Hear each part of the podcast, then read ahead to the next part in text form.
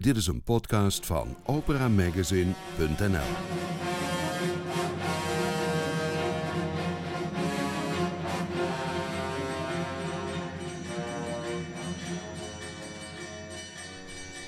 Welkom in Studio Nibelheim. Hier hoort u nieuws, achtergronden en interviews over opera en lied. In de zomerserie die Studio Nibelheim maakt, zijn we in Haarlem. De zangeres die hier woont wordt geprezen voor haar warme, lyrische stem, haar muzikaliteit en haar vermogen zich in te leven in de rollen die ze zingt en speelt. Laat ik haar eerst even voorstellen.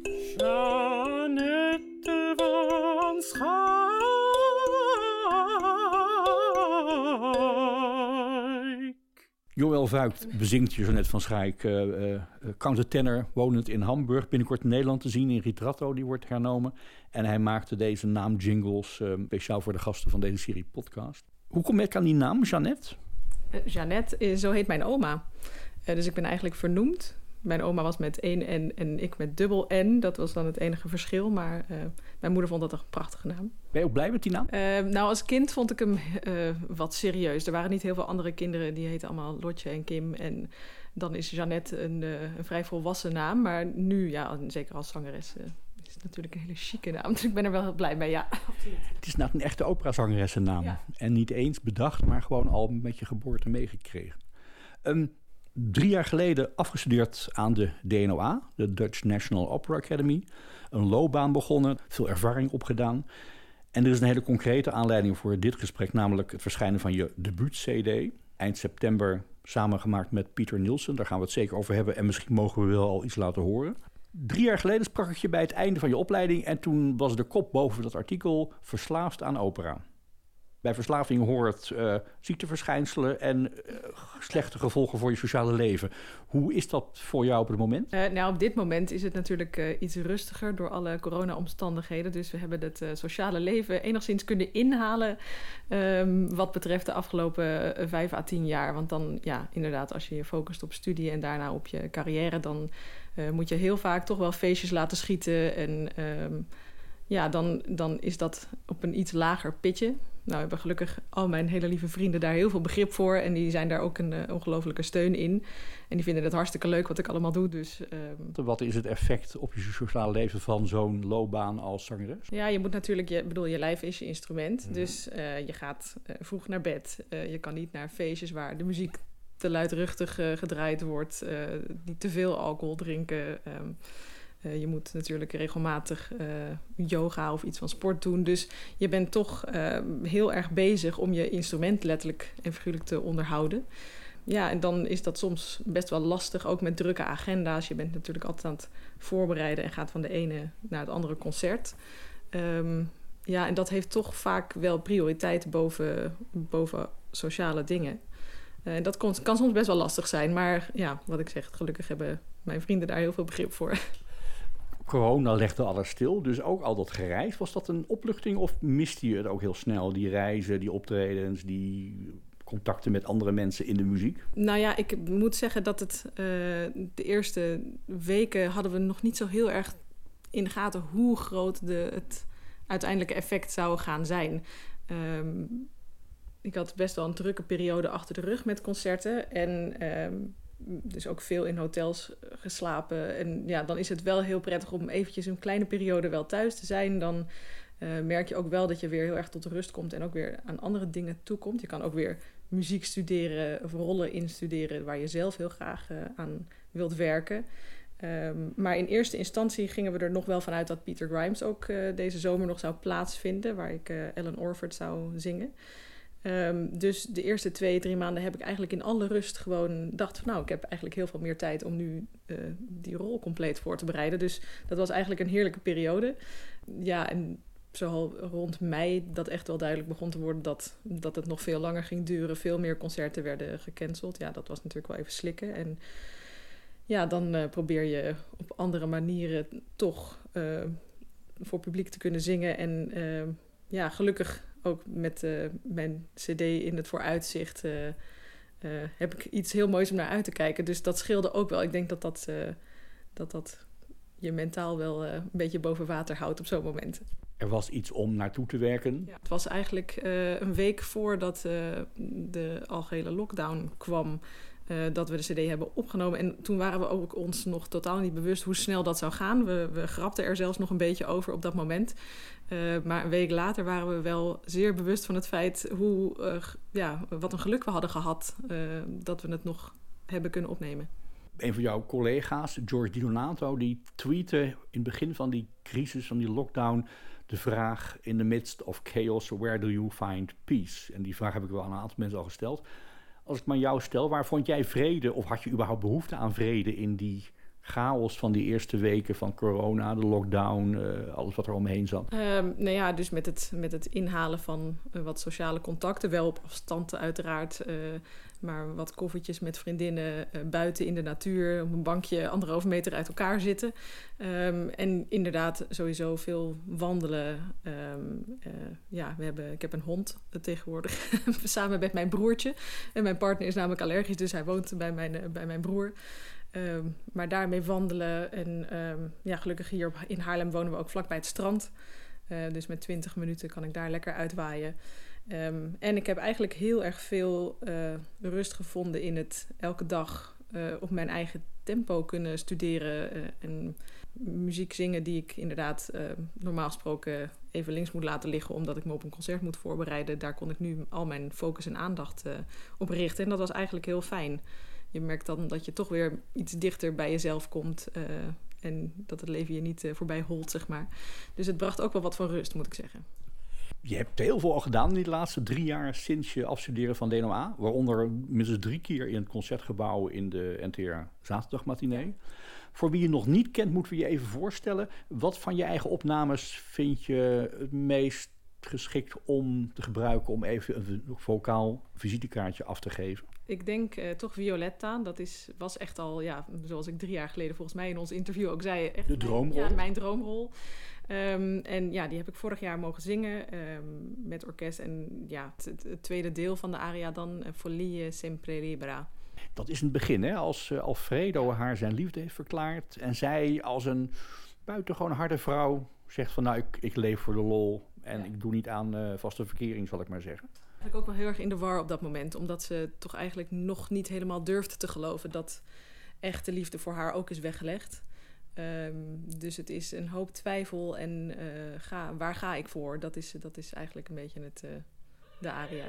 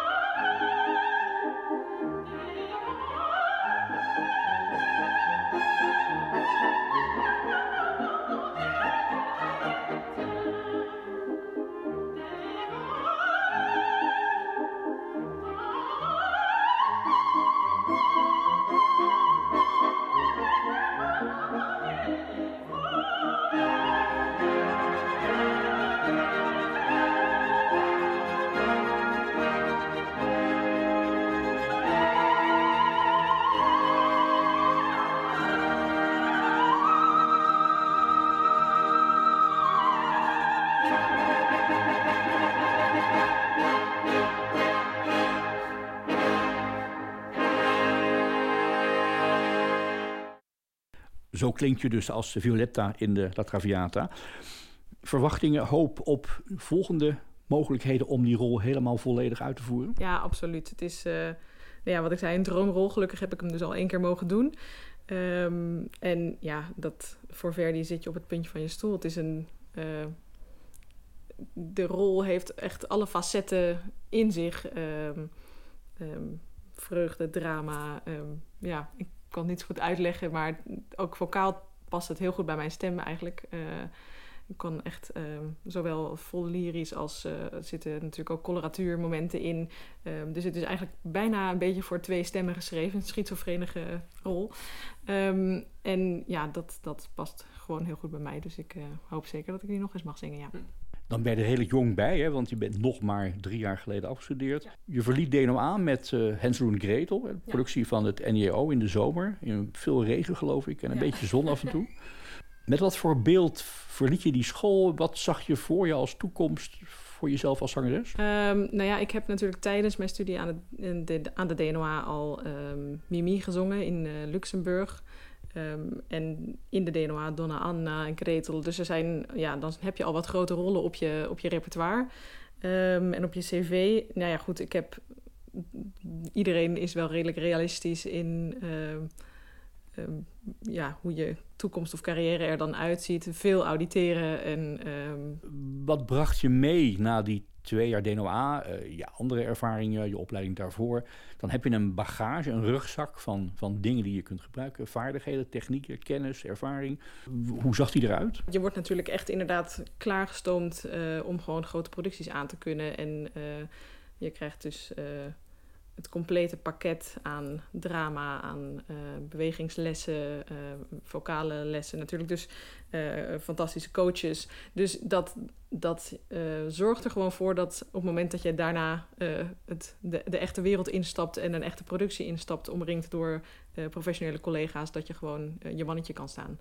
En um, ik heb echt heel goed gemerkt, ook tijdens dat ik Mimi zong in Luxemburg, dat je gewoon ja, dat je niet onderdoet eigenlijk, dat je gewoon compleet kunt meedraaien. En dat komt wel zeker door DNOA. Dat is eigenlijk iets wat je, wat je op het consortium in de normale opleiding uh, toch wel een beetje mist. En uh, het was best een pittige twee jaar, maar ja, het heeft me absoluut klaargestoomd in alle facetten om, om gewoon een rol te kunnen zingen. Ja.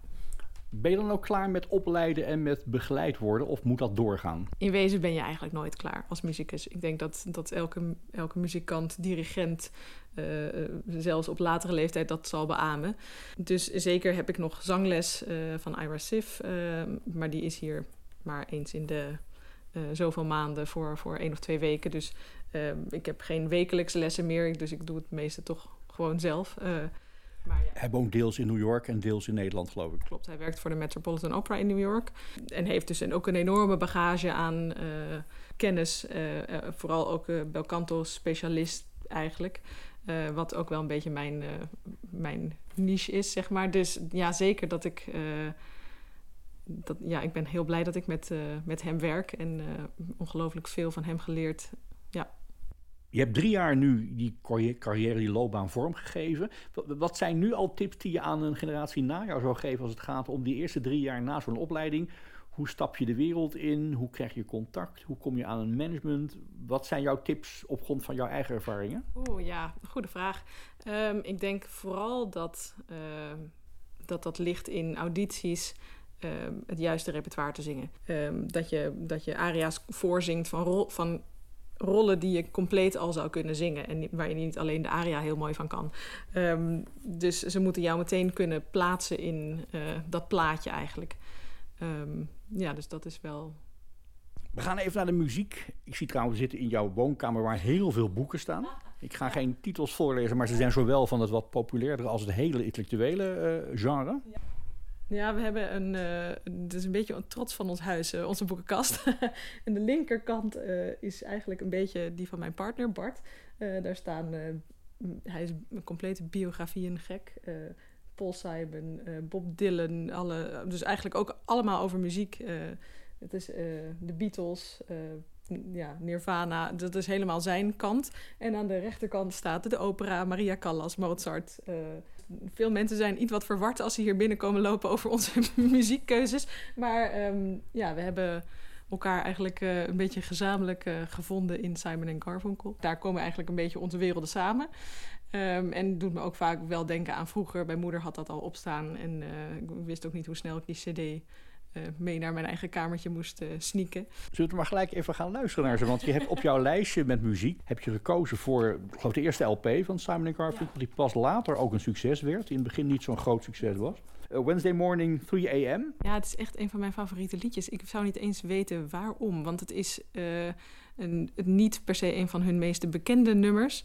Um, maar ja, ik moet ook zeggen dat al zouden zij de Gouden Gids voorzingen, dan uh, vind ik het nog prachtig. Dat is, dat is iets wat ik ontzettend ontroerend vind aan, uh, aan hun samenzang. En dat zie je zelfs nog in live concerten op hun latere leeftijd. Uh, dat ondanks dat ze eigenlijk een, best wel een hekel aan elkaar hadden, maar ze waren toch tot elkaar veroordeeld.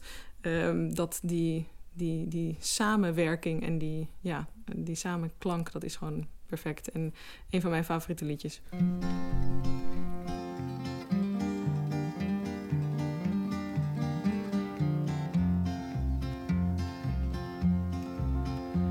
I can hear the soft breathing of the girl that I love as she lies here beside me, asleep with the night, and her hair in a fine mist floats on my pillow, reflecting the glow of the winter. Moonlight. She is soft, she is warm, but my heart remains heavy. And I watch as her breast gently rise, gently fall. For I know with the first light of dawn I'll be leaving, and tonight will be all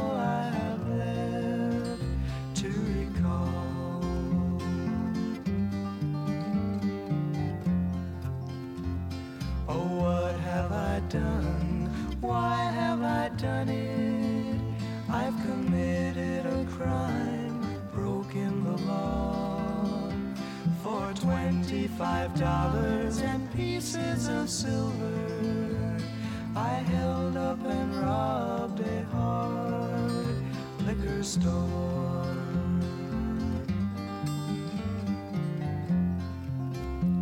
My life seems unreal, my crime an illusion, a scene badly written in which I must play.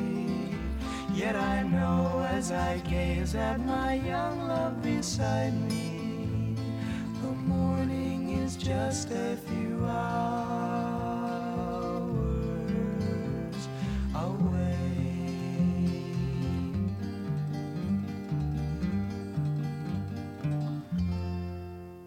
Ik vraag me altijd af hoe mensen met een uh, grote vocale bagage zoals jij luisteren naar popstemmen. Want alles wat je leert in masterclass, ik ben daar wel eens bij, is, lijkt erop te wijzen dat popzang gewoon na drie weken zingen je stem verruineert en dat dat helemaal niet meer een toekomst kan hebben dan. En toch zijn deze heren ook al heel lang, of zijn heel lang bezig geweest met de muziek.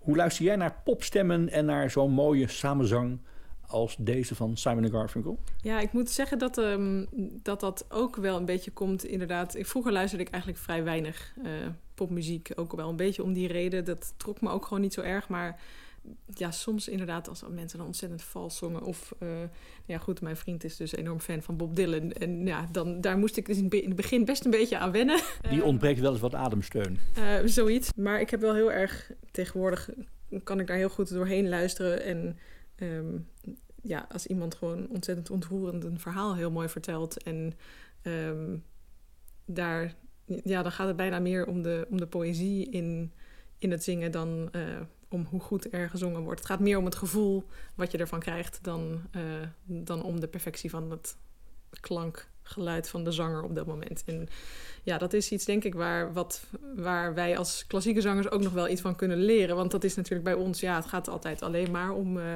om de schoonheid van, uh, van de stemmen. Ik denk dat, uh, dat het gaat toch meer om, om het gevoel, om de, om de emotie die het teweeg brengt, dan om de perfectie waarmee het gezongen wordt. Wat natuurlijk echt wel een beetje anders is dan bij ons is dat iets belangrijker.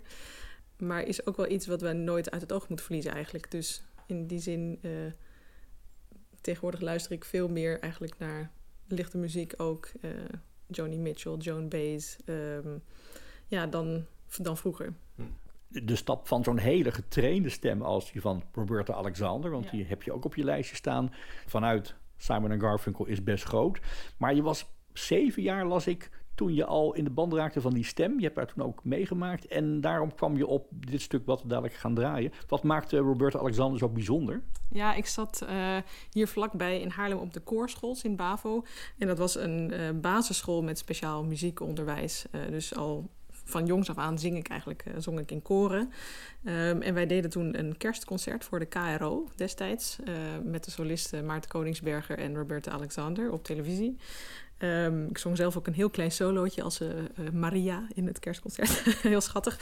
Um, en Roberta Alexander, ik, ik, dat was eigenlijk de eerste keer dat ik echt een solist van dichtbij meemaakte. En met zo'n prachtige stem en uitstraling. En ik was ongelooflijk onder de indruk en verkocht. En uh, heb toen ook meteen gevraagd om, om cd's van haar.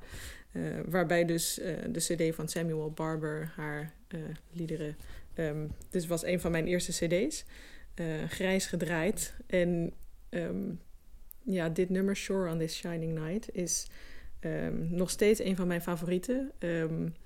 ja, ik, dus ik was al heel vrij, vrij vroeg fan van haar. En zij was ook dus de reden uiteindelijk dat ik zelf ook een zangeres wilde worden, al, vanuit, uh, al vanaf die jonge leeftijd. En toen ik dus auditeerde op het conservatorium, uh, uiteindelijk heb ik dus ook geauditeerd met dit nummer. en wij zouden dit jaar ook uh, samen zingen in de opera Peter Grimes. Dus daar, daar keek ik ongelooflijk naar uit om met een van mijn grote heldinnen in dezelfde productie te zingen. Uh, dat is helaas natuurlijk uh, niet doorgegaan, maar wordt gelukkig verplaatst naar volgend jaar zomer. Dus uh, ja, daar zie ik ongelooflijk naar uit. Heb je haar ook wel eens gesproken tijdens je opleiding? Nee, ik heb haar nooit gesproken. Nee, wat gek eigenlijk. ja, dus wel als klein meisje. En, want ik vond het natuurlijk heel spannend dat ik een eerste solootje mocht zingen. En ik moest daarvoor ook even in de make-up. En zij zat in de stoel naast mij, dus ik vond dat heel spannend. Um, maar ze is ongelooflijk vriendelijk, heel lief was het toen. Sure on this shiny night van Samuel Barber, gezongen door Roberta Alexander.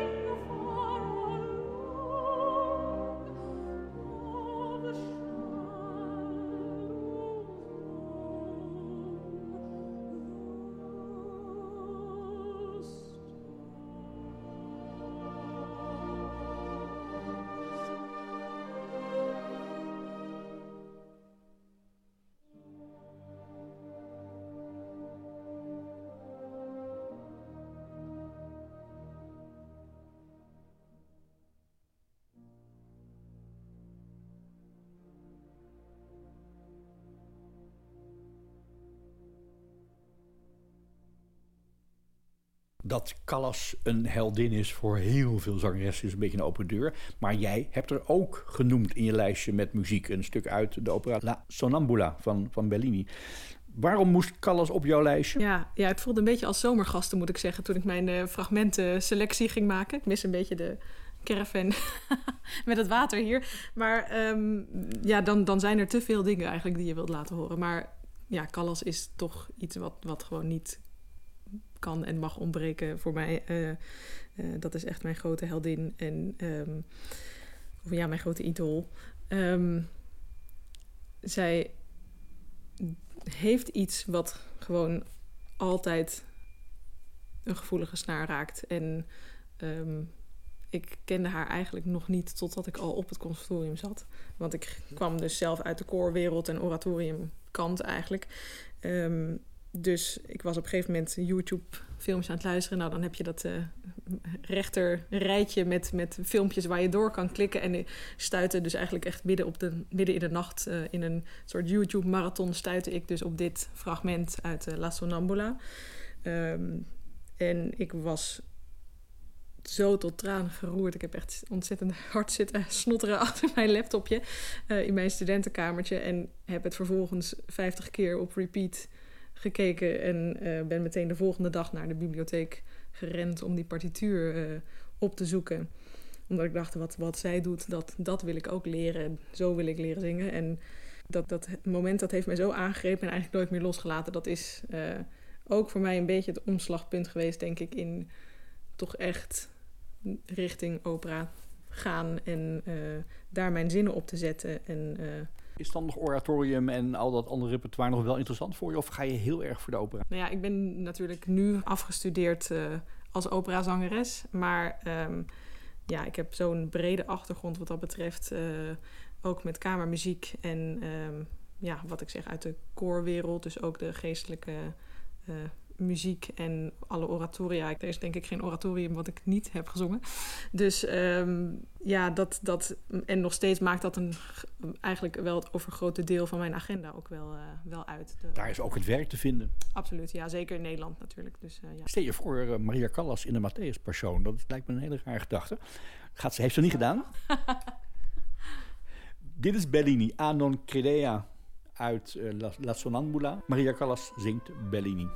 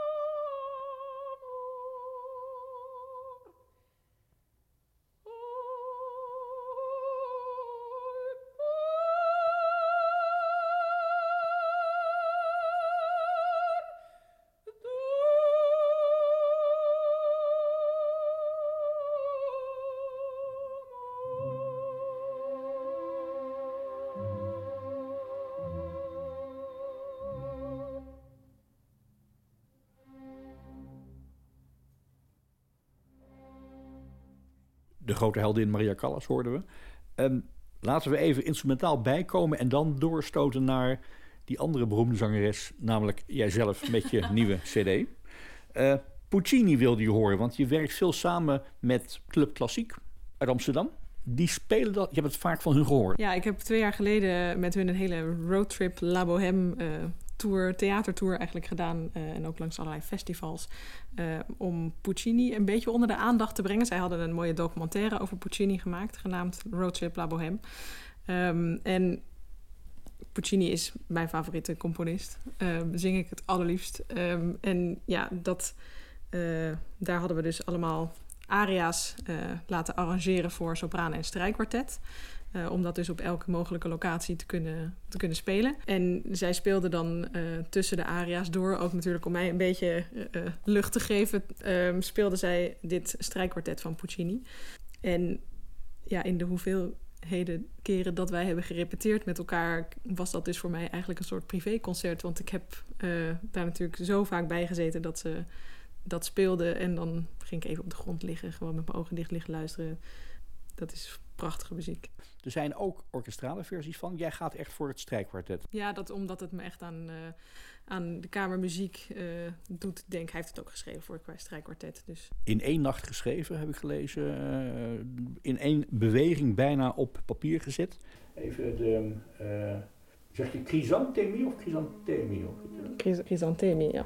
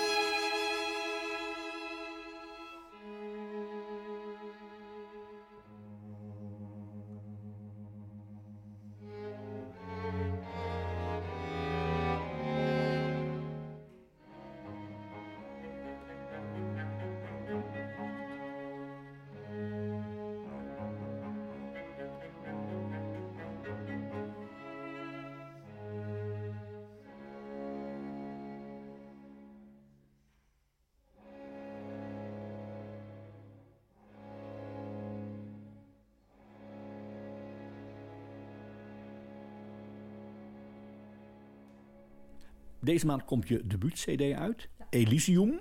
Ehm, hoe is het ontstaan? Hoe begon het idee om een CD te gaan opnemen? Ehm, nou, ik werd eigenlijk vorig jaar benaderd door Frederik de Jong, de producent van het eh, label Seven Mountain Records. En hij heeft eh, mij toen voorgesteld om een CD te gaan maken. En toen dacht ik, ja, wat, wat heb ik nu toe te voegen aan de al zo grote bestaande collectie van CD's? En ehm, wat je toch vaak ook ziet met debuutalbums, is dat het een soort best-of wordt van, van het jonge talent wat zich dan wil laten zien. En dat vond ik eigenlijk oninteressant. Ik dacht, ik wil niet eh, iets maken waar geen gedachte achter zit. Een mooi, eh, mooi verhaal. En ja, ik uh, heb toch eigenlijk ook met Club Klassiek heb ik ooit Il Tramonto gedaan van Respighi. Dus toen ik ging nadenken over repertoire voor de CD, toen dacht ik, ja goed, wat is nu mijn sterke kant? De Italiaanse opera. Maar goed, we gaan lied opnemen. Dus Italiaans lied. En dat hoor je natuurlijk ook niet veel. Het wordt eigenlijk weinig uitgevoerd nadruk ligt eigenlijk toch wel vaak op het Duitse repertoire. Uh, Frans soms. Dus ja, ik ben toen eigenlijk gaan zoeken naar... heeft hij liederen geschreven voor stem? En toen vond ik in eerste instantie de prachtcyclus Deta Silvaan. Uh, gaat enorm over de natuur, beschrijft eigenlijk alle facetten van de natuur. Maar heeft ook een soort magische, sprookjesachtige klankwereld. Uh, gaat over nymfen en faunen. Dus het is een soort bijna een soort wereld die niet bestaat, maar ook weer wel. Dus het is een. Um, ja, dat, ik, ik was zo gegrepen door die muziek eigenlijk dat ik dacht: oké, dit wordt de, de hoofdcompositie op, de, op de CD. En vanaf daar zijn we eigenlijk verder gaan zoeken naar aanvullend repertoire. Elysium, die titel die zegt iets over een soort ideale wereld. Heb jij daar een beeld bij, bij het Elysium? Het is natuurlijk eigenlijk ook een soort uh, uh, hiernamaals. Hè. Het Elysium is um, een, een, prachtige plek waar je verblijft. Um, eigenlijk tussen hier en het hiernamaals. Waar alles mooi is, waar het uh, nooit regent of sneeuwt. Um, altijd de zon schijnt en alles in bloei staat. Dus ja, dat, dat komt dan ook weer heel mooi samen met alle andere stukken die wij op het programma hebben. Um, maar ja, het hiernamaals, dat is natuurlijk ook, staat onlosmakelijk verbonden ook wel met een soort vergankelijkheid. Ik bedoel, alles wat in bloei staat, dat, uh, of dat nu de natuur is of uh, je, je grote liefde, uh, je relatie. Ja, daar is natuurlijk een moment dat daar een eind aan komt. En dat is ook wel iets wat mij heel erg, ja, misschien door de leeftijd of zo bezighoudt de laatste jaren. Um, en viel eigenlijk, dat programma viel uiteindelijk als een soort puzzel op zijn plek. Um, toen we Abschiedslieder van Korngold hebben toegevoegd als cyclus. Ook een absolute parel die eigenlijk vrijwel nooit wordt uitgevoerd. En waar ook heel weinig opnames van bestaan. Ja, daar, daar vonden we eigenlijk een soort uh, vrij natuurlijke overgang en doorloop in die stukken. En ja, als je bij Korngold dan bent uitgekomen, dan is Strauss natuurlijk de logische volgende stap. En ja, dat, dus dat, dat was. We hebben, we hebben lang gezocht naar, uh, ook met, met een aantal losse liederen ertussen, naar uh, een programma wat gewoon als een soort vloeiend in elkaar overloopt, maar ook wel echt een verhaal vertelt die stukken van Respighi, daar was je het eerst bij. Waar, waar gaan die over? Wat is het verhaal van die liederen van Respighi in die cyclus? Ze beschrijven eigenlijk alle facetten uit de natuur. Het eerste lied, uh, I Fauni, gaat uh, over faunen en beekjes uh, en nymfen. Het tweede lied heet Musica in Horto, dus de, de muzikale tuin eigenlijk. Um, en de derde gaat over een bosnimf genaamd Egle, die danst tussen, tussen de vlammen en uh, die begluurd wordt door, uh, door de faun.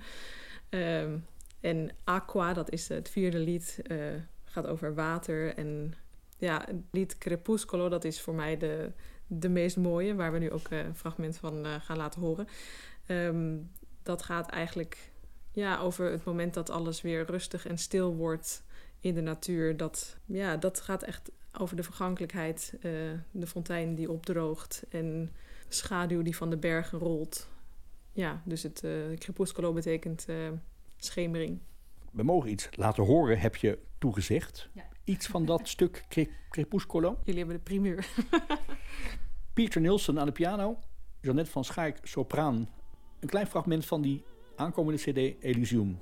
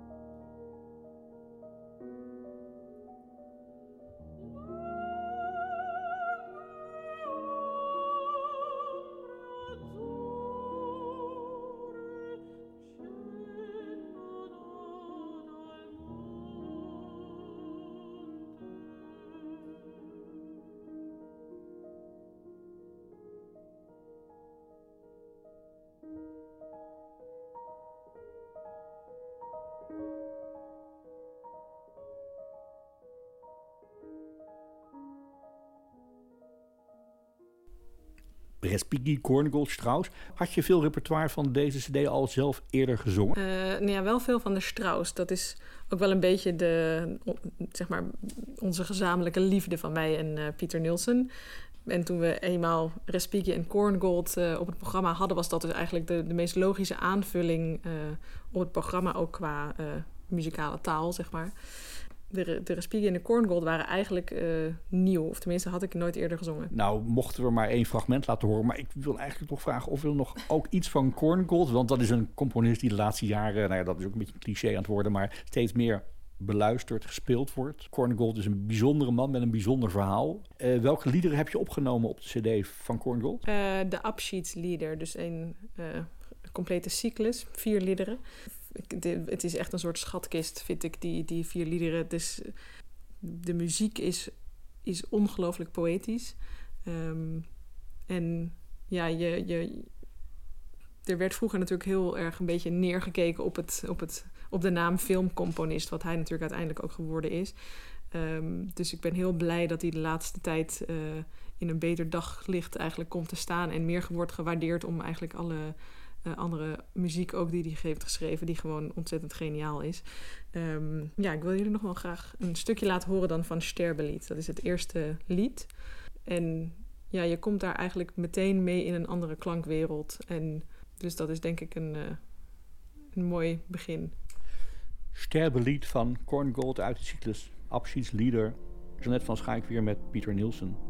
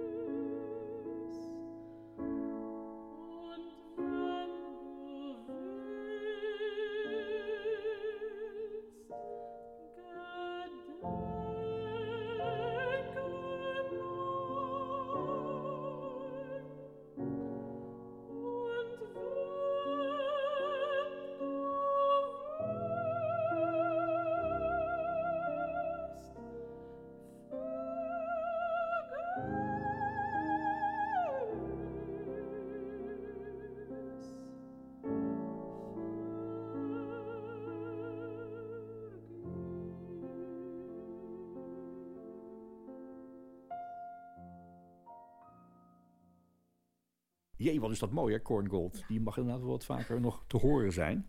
Je deed heel makkelijk over. Nou, bij Korngold dan ga je naar Strauss. Maar dat is voor een leek niet altijd meteen vanzelfsprekend. Wat maakt die brug tussen Korngold en Strauss zo vanzelfsprekend? Oeh, ehm, ja, het zijn eigenlijk de, de, de, de lange lijnen die je nu hoort in die Korngold. Dat is eigenlijk een beetje weer wat je terug hoort in de latere opera's van Strauss. Ja, dus dat is een beetje de, de, de muzikale taal van, van die tijd. Als ik dan lees dat je Strauss gaat opnemen, dan hoop ik stiekem altijd dat er ook Morgan bij staat. En verrek, Morgan staat op de cd. Dat is eigenlijk nog een verrassing. Ja, dat is ehm, toch zeker met dit programma en eh, de, de natuurlijke verloop van de liederen... eh, hebben we gekozen voor een aantal losse liederen ertussen. Eh, en hebben wij Morgan eigenlijk als los lied als laatste op de cd gezet. Ja. Want dat kunnen we niet vaak genoeg horen, vind ik dan zelf even. En zeker met Pieter zijn prachtige, prachtige intro van het, eh, van het lied. Absoluut. Nog even een vraag over dat maken, want je bent een perfectionist, weten we. Dan is zo'n cd maken wel een a job.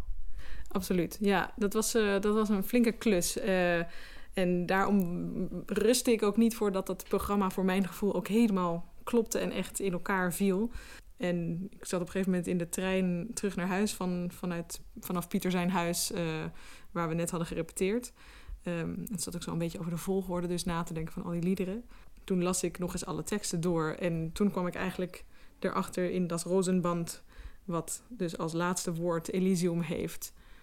Toen dacht ik, ja, dat is eigenlijk de perfecte titel voor, voor dit programma. En eh, ook gek genoeg het enige niet-Duitse of niet-Italiaanse woord op de hele CD. dus dat was voor mij een perfecte. Ja, soms heb je gewoon zo'n moment dat alles in één keer klopt. En ehm, ja, dan eh, ben je daar als perfectionist zeer blij mee als het in één keer allemaal op zijn plek valt. En toen had je een titel. Nou ga je naar, soms, je gaat vaak naar concerten, dan heb je een stapel partituren bij je, je hebt een programma voorbereid. Maar nu stapte je de studio van de MCO, de, de oude VARA-studio Ja. in Hilversum, de Heuvelaan, stapte je binnen. Voor het eerst van je leven een cd-opname. Hoe was dat anders dan bij optredens en andere ervaringen die je had? Ja, het is toch wel. eh, het was heel anders dan ik had verwacht. We hebben een aantal muzikale keuzes gemaakt, maar we hebben niet alles tot in de puntjes vastgelegd. Om eigenlijk eh, onszelf complete ruimte te geven om nog eh, spontane beslissingen te maken tijdens dat opnameproces. En dat gebeurde dan ook. En ik denk dat dat ook wel een beetje de kracht is van ons duo. Dat ehm, als je gewoon eh, ja, op elkaar vertrouwt en ook elkaars grenzen heel erg goed weet, doordat je ja, tijdens het repeteren alle grenzen wel hebt opgezocht, qua tempi of qua eh, dynamieken, dat je, dat je eigenlijk dus ja, je kan laten leiden door de inspiratie van het moment zelf. En dat, dat is wel iets wat we tijdens de opnames gedaan hebben. En eh, daar ontstaat dan gewoon op dat moment iets wat, eh, ja, dat is een beetje moeilijk te beschrijven. Dat, dat ontstaat eigenlijk een beetje halverwege in de lucht. Als ik naar links ging, dan ging Pieter soms mee. En als hij dan weer naar rechts ging, dan eh, zonder dat we dat van tevoren op die manier zo hadden afgesproken. En ja, dat is, dat, ik vind dat eigenlijk de meest magische manier van samen muziek maken. Als je eigenlijk eh, iets nieuws laat ontstaan op dat moment. Je neemt op, je gaat naar een controleruimte. Dan zit je met een peperdure koptelefoon geluid te beluisteren uit peperdure microfoons. Helemaal Ja. precies bedacht door Freek Jong, want die is daar heel erg sterk in. Eh, kan je dan naar jezelf luisteren? En wat hoor je dan eh, als het gaat om de techniek, de expressie? Nou, ik heb in eerste instantie de opnamedagen zelf niet teruggeluisterd. Omdat ik. M- want het ding is dat als je in zo'n zaal zelf zingt, hoor je het heel anders dan als je het terug hoort uit de boxen, natuurlijk in zo'n eh, in zo'n kleine studio. Ik wilde eigenlijk gewoon mijn eigen bubbel daarin vasthouden. En eh, het is toch vaak zo dat als je jezelf na één dag terug hoort en je moet nog twee dagen opnemen, dat je dan toch onbewust dingen gaat veranderen omdat je dingen hoort. En ik wilde gewoon in mijn eigen kracht op dat moment blijven. En eh, Pieter heeft wel even geluisterd, gewoon alleen maar van. Is het, is het goed? Is het mooi? En ja, dan. eh, dus we hebben eigenlijk die dagen zelf nog niks teruggeluisterd. Dat hebben we pas eh, een paar weken later gedaan. Seven Mountain Records, Pieter Nielsen op piano, Jeannette van Schaik, zangeres, repertoire van Respighi, Strauss, Korngold en anderen. Binnenkort in de winkel. Ik kijk er naar uit. Komt er een, eh, een presentatieconcert? Is dat mogelijk in deze tijd? Ja, we gaan het zeker proberen te organiseren. Dat zal 26 september plaatsvinden. Ergens in Nederland. Dat gaan we op uh, Opera Magazine uiteraard brengen. En dan gaat hij de wereld in. Jeannette van Schaik, heel veel dank voor dit gesprek. Heel veel succes met de CD Elysium die eraan komt. En ik hoop je graag weer in volle zalen op grote podia in prachtige rollen en prachtige liederen te zien ergens in Nederland of wellicht verder buiten. Dankjewel. Heel veel dank. Dit was Studio Nibelheim, een podcast van operamagazine.nl. Productie François van den Anker. Kijk voor al het opera nieuws op www.operamagazine.nl.